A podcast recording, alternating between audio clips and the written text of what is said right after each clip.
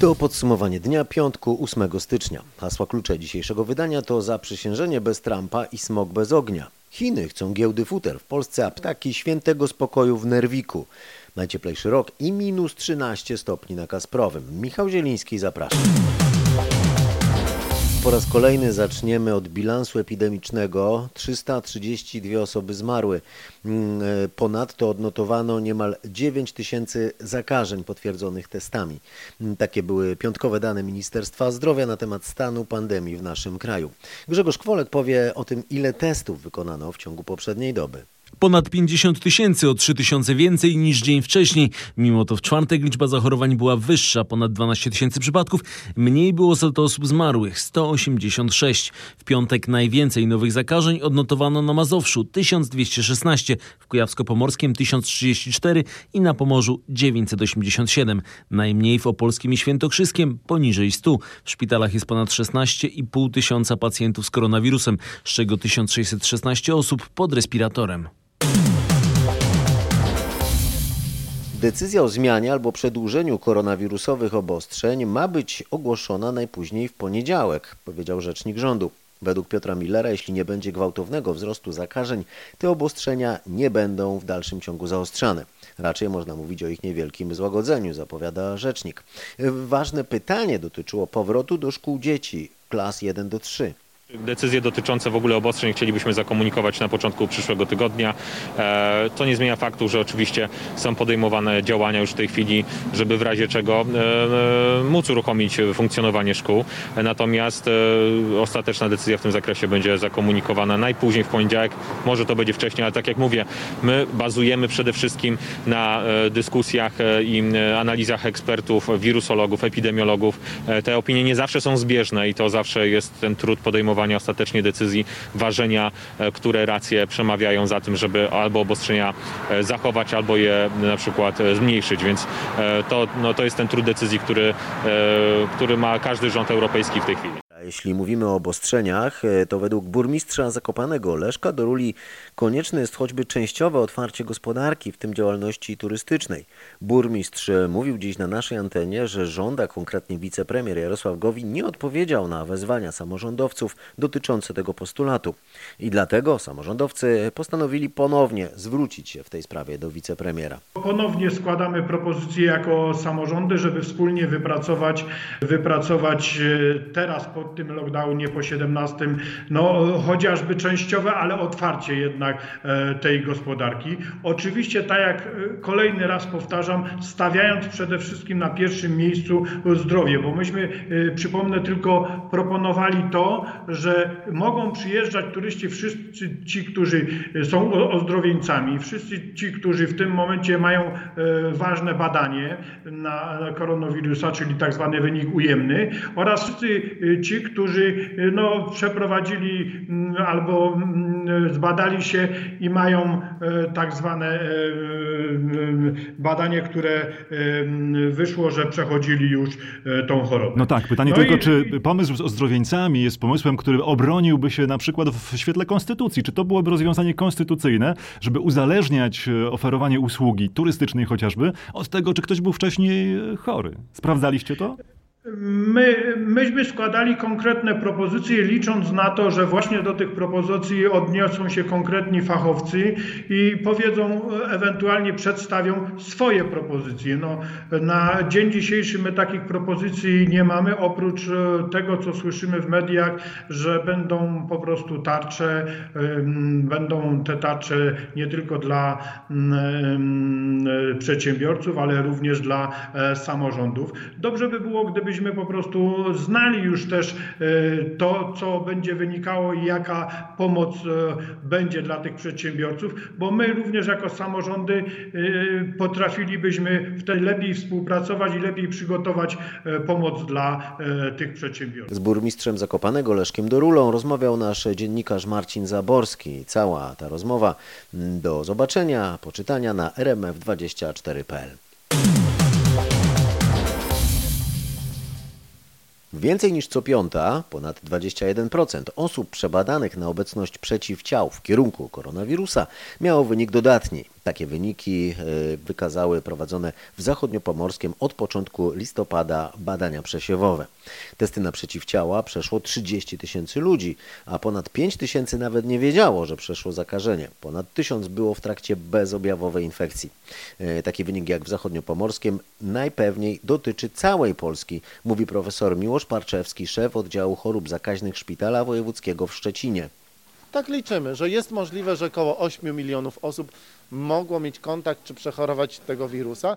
Natomiast czego nie wiemy, to jak długo tak naprawdę utrzymuje się odporność przed kolejnym zakażeniem. E, Na pewno 3-6 miesięcy. I teraz, czy te osoby, które przechorują, te kilka milionów osób, będą się zakażały ponownie, na przykład w kolejnym sezonie? Myślę, że do końca roku tego, w którym przebyły zakażenie, to mniej więcej będą odporne, ale nie wiem, czy nie będzie tak jak w przypadku grypy, że będą rokroczne nawroty zakażenia, czy nie trzeba się będzie szczepić. Słuchacie podsumowania dnia 8 stycznia 2021 roku. Dziś do historii przeszły papierowe skierowania do lekarza. Zastąpiły je od dziś elektroniczne e-skierowania. Nie trzeba już dostarczać dokumentu osobiście do wybranej placówki w ciągu 14 dni. Jak to działa w praktyce? Lekarz wystawia nam czterocyfrowy kod, który lekarz może nam również podać przez telefon, tak jak w tej chwili jest to w przypadku e-recepty. I tak samo razem z kodem PESEL to uprawnia nas do zapisania się na dane badanie czy na poradę specjalisty. Ale oczywiście to jest też tak, że podczas wizyty u lekarza możemy otrzymać wydruk informacyjny skierowania. On będzie miał kod kreskowy, który można sczytać w wybranej placówce, rejestrując się na badanie lub poradę. Mówi Anna Szewczuk-Łebska, rzecznik prasowy Dolnośląskiego Oddziału Narodowego Funduszu Zdrowia. A teraz informacje ważne dla wybierających się do Wielkiej Brytanii. Od przyszłego tygodnia wszyscy przyjeżdżający na wyspy będą musieli uzyskać wcześniej negatywny wynik testu na koronawirusa. W jaki sposób będzie to egzekwowane? O tym już z Londynu nasz korespondent Bogdan Frymorgan. Dotyczy to wszystkich połączeń lotniczych, kolejowych i morskich. Test musi być wykonany nie wcześniej niż 72 godziny przed przyjazdem, a sprawdzany powinien być przed rozpoczęciem podróży, zanim pasażerowie wejdą na pokład samolotu czy promu. Osobom, które wjadą na wyspy bez tego dokumentu, grozić będzie grzywna w wysokości 500 funtów. Zwolnieni z tego wymogu są kierowcy ciężarówek przewożący towary i dzieci poniżej 11 roku życia. Przy czym wszystkie osoby wjeżdżające na wyspy bez względu na negatywny wynik testu wciąż będą musiały poddać się 10-dniowej kwarantannie. Odchodzący z Białego Domu prezydent Donald Trump nie weźmie udziału w zaplanowanej na 20 dzień stycznia inauguracji prezydentury Joe Bidena. Nasz korespondent w Waszyngtonie, Paweł Żuchowski, o tym, że Donald Trump w ten sposób zrywa z amerykańską tradycją. Trump nie pojedzie 20 stycznia na Kapitol, poinformował o tym na Twitterze. To wyłamanie się ze starej tradycji. Prezydent elekt razem z ustępującym przywódcą wspólnie jechali na Kapitol. Wcześniej mieli spotkanie w Białym Domu, a do rezydencji po zaprzysiężeniu wracał już nowy przywódca. Stary odlatywał sprzed Kapitolu śmigłowcem, a maszyna dokonywała rundy pożegnalnej nad stolicą. Tego elementu 20 stycznia widać w tej chwili zabraknie. Prezydent, jak powiedziałem, poinformował o tym na Twitterze. O czym jeszcze poinformował na Twitterze Donald Trump? Prezydent Trump w trwającym niecałe 3 minuty nagraniu zobowiązuje się do płynnego przekazania władzy 20 stycznia. Kongres zatwierdził rezultaty. Nowa administracja zostanie zainaugurowana 20 stycznia. Moja uwaga kieruje się teraz w stronę zapewnienia płynnego, uporządkowanego i bezproblemowego przekazania władzy, powiedział prezydent. To pierwsza tak jasna deklaracja przywódcy Stanów Zjednoczonych w tej sprawie. Prezydent Trump potępił też atak na Kapitol. Tak jak wszyscy Amerykanie jestem oburzony przemocą, bezprawiem i chaosem. Swoją służbę dla Amerykanów jako prezydent nazwał największym zaszczytem jego życia. Na koniec prezydent dodał, jak zawsze. Thank you, God bless you, and God bless America. Z Waszyngtonu Paweł Żuchowski. Donald Trump mógł wrócić do mediów społecznościowych po przerwie, bo właściciele Twittera czy Facebooka zablokowali konta prezydenta. Zawieszenie prawa wypowiedzi urzędującego szefa państwa przez niekontrolowanych przez nikogo właścicieli gigantycznych mediów to wydarzenie bez precedensu. O komentarz do tego wydarzenia nasz dziennikarz Robert Mazurek poprosił w porannej rozmowie amerykanistę profesora Andrzeja Manie z Uniwersytetu Jagiellońskiego. Ja, można takie dwojakie podejście dostosować. Z jednej strony można uznać, że to jest przykład odpowiedzialności właściciela, albowiem zauważył, że słowa wypowiadane rodzą niepokój społeczny i powodują nawet no, ludzkie straty, śmierć ofiar w czasie tych wydarzeń. A z drugiej strony można powiedzieć, że jest to coś niebezpiecznego, dlatego że roszczą sobie prawa z racji tego, że są bogaci i mają dostęp do wielkiego sposobu, źródła komunikowania się z ludźmi i zaczynają wpływać na ja tak prawdę powiedziawszy trochę stoję po środku, bo ja sympatyzuję z odpowiedzialnością dziennikarzy. To jest profesja ważna. Nie mówię tylko z szacunku dla pana, tylko w ogóle to jest instytucja, która odgrywa niebotyczną rolę. To prawda, tylko, to prawda, tylko że wie pan, tylko że to jest sytuacja taka, o ile CNN czy Fox mogą sobie być przegięte i każdy na swój sposób e, rozumieć swoją odpowiedzialność, bo nie są monopolistami, to Facebook czy Twitter monopolistami de facto są. Ameryka, przypomnę coś, co pan doskonale wie, w 1890 roku uchwaliła ustawy Shermana, takie ustawy antytrustowe, antymonopolistyczne, właśnie po to, by no, swobody, w tym wypadku swobody ekonomiczne, bronić. Tak jest, ale pamiętajmy, że kilkakrotnie zdarzyło się, że przedstawiciele, właśnie między innymi Zuckerberg, musieli przed komisjami e, e, kongresowymi stawać i odpowiadać na zarzuty, które właśnie tej kwestii dotyczyły. My wcale nie jesteśmy tak, jestem tak przekonany, że prezydent Biden e, nie zdecyduje się w pewnym momencie do podjęcia kwestii, a jego kongresmeni z nim związani i senatorowie być może będą chcieli tę kwestię regulować, bo jeżeli użyto tego teraz przeciwko Trumpowi w atmosferze pewnej niechęci do jego działań, to kto wie, czy kiedyś czegoś innego nie zrobią. No właśnie, to wymaga, to jest pytanie, bo regulacji. Tak. Bo gdybyśmy mogli zaufać, że Zuckerberg po pierwsze będzie żył wiecznie, po drugie, że będzie no, krynicą mądrości i uczciwości, to okej, okay, niech sobie będzie taka instancja kontrolująca, no ale właściwie to jest trochę taka wiara, że, że to się Pan Bóg objawił. No. Tak jest. Znaczy, ja, ja myślę, że Zuckerberg oczywiście jest człowiekiem licznych talentów, natomiast to jest ciągle wielki biznes, który imponująco rośnie i nie ma powodu ten biznesmen tracić możliwości funkcjonowania. Jeżeli natomiast wkroczysz w cerę niebezpieczną, kiedy powstanie zarzut, że kracza w politykę w sposób bardzo wyraźny, może być powstrzymany.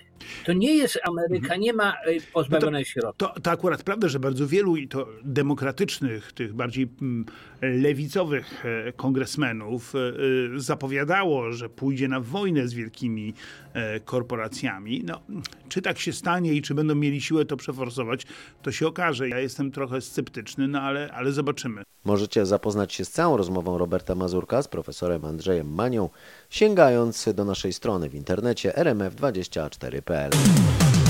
Wszystkie kraje muszą przestrzegać praworządności, jeśli chcą pozostać członkami Unii Europejskiej, ostrzega premier Portugalii, która przejęła prezydencję w Unii. Nasza korespondentka w Brukseli, Katarzyna Szymańska-Borginą, zwraca uwagę na niektóre akcenty wypowiedzi Antonio Koszty.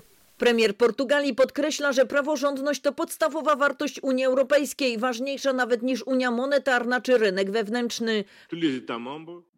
Wszystkie kraje muszą przestrzegać praworządności, jeżeli chcą pozostać członkami Unii Europejskiej. W programie prezydencji portugalskiej zapisano także, że w maju Portugalia zorganizuje konferencję wysokiego szczebla poświęconą praworządności. Niektórzy dyplomaci w Brukseli sądzili, że w związku z nowym mechanizmem warunkującym wypłaty z unijnego budżetu od przestrzegania praworządności procedura artykułu 7 straciła na aktualności. Okazuje się, że jest inaczej. Portugalia planuje w ramach tej procedury wysłuchanie Polski w Radzie Unii. Prezydent zawetował nowelizację ustawy o działach administracji rządowej. Nowy podział obowiązków był konieczny po rekonstrukcji rządu.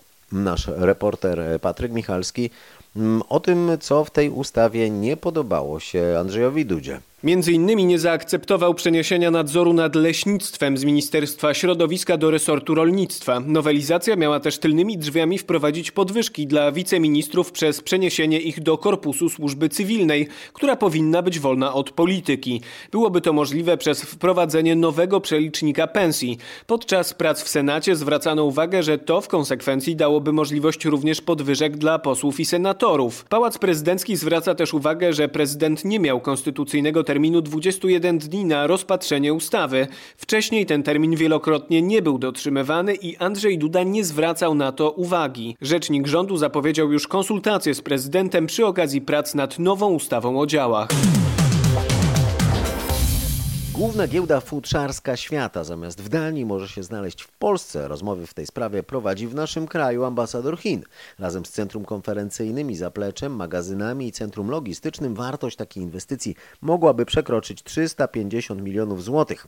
Od lat główna giełda futer na świecie znajdowała się w Kopenhadze. Roiło się na nie od chińskich importerów. Pod koniec zeszłego roku jednak w Danii wykryto na farmach koronawirusa. Nie uznano norki za zagrożenie epidemiczne. Następnie zlikwidowano wszystkie hodowle norek, wybijając około 17 milionów zwierząt. Giełda w Kopenhadze zawiesiła działalność co najmniej do 2023 roku. Likwidację hodowli przeprowadzono również w niektórych innych krajach europejskich. Skutkiem jest znaczny spadek podaży skór i ogromny wzrost ich cen. Mimo planów tzw. Tak piątki dla zwierząt w Polsce fermy działają bez przeszkód. Z 8 milionami norek i ponad 100 tysiącami lisów, szopów i szynszyli nasz kraj jest teraz największym producentem skór na futra na świecie. Zdecydowanie największym e, rynkiem e, są natomiast Chiny. Po likwidacji duńskich hodowli w Chinach wysoką renomą cieszą się właśnie skóry z Polski. Na Pomorzu ma powstać największa elektrownia słoneczna w naszej części Europy. Ta elektrownia polskiej firmy Respect Energy niemieckiej Goldbeck Solar ma być położona w pobliżu Zwartowa, kilkanaście kilometrów e, od wybrzeża Bałtyku. Panele mają zająć teren o powierzchni 3 km2, to obszar ponad 400 boisk piłkarskich zarazem dwa razy większy od y, Starego Miasta w Krakowie w obrębie plant. Jak informują media branżowe, ta elektrownia ma mieć moc ponad 200 MW. Oznacza to, że będzie trzy razy większa od dotychczas największego takiego obiektu w Polsce, zlokalizowanego w Lubuskiem przy granicy z Niemcami. Planowana siłownia w Zwartowie ma być największym tego typu obiektem w środkowej Europie, ale nie może się równać z 2-3 razy większymi obiektami na południu Hiszpanii, a tym bardziej z kilkanaście razy potężniejszymi, największymi na świecie farmami słonecznymi na pustyniach Chin, Indii, Indii, Stanów Zjednoczonych, Egiptu czy Zjednoczonych Emiratów Arabskich. Prąd ma popłynąć ze Zwartowa do sieci za ponad Czym grozi brak prądu w przypadku smoka wawelskiego? O tym już za kilka minut, a teraz dane o kryzysie na polskim rynku motoryzacyjnym. Sprzedaż samochodów była nad Wisłą najmniejsza od 4 lat. Kupiliśmy mniej niż pół miliona nowych aut osobowych i to jest aż o 23% mniej niż w 2019 roku. Krzysztof Brenda zauważa, że statystyki Polskiego Związku Przemysłu Motoryzacyjnego obejmują zarówno auta prywatne, jak i służbowe i skupia się na tych prywatnych. Jak to wygląda? W zeszłym roku kupiliśmy jedynie 117 tysięcy nowych aut do użytku prywatnego i to jest spadek o 28%, no i to pokazuje skalę tego kryzysu. Warto też zauważyć, że postawiliśmy na modele raczej mniejsze i tańsze. I tak na przykład nowym autem numer jeden była w zeszłym roku w Polsce Toyota Yaris, 8 tysięcy sprzedanych egzemplarzy. Na drugim miejscu była Dacia Duster, która zaliczyła roczny spadek sprzedaży aż o 40%. Dalej są Toyota Corolla, Toyota RAV4, Skoda Fabia, Fiat Tipo, Skoda Octavia i Hyundai Tucson. Mm, ten rok sprzedażowo raczej lepszy nie będzie, a to oznacza, że dealerzy będą musieli wprowadzać nowe promocje. A teraz statystyki pogodowe. Rok 2021 ma szansę być najcieplejszym w historii pomiarów.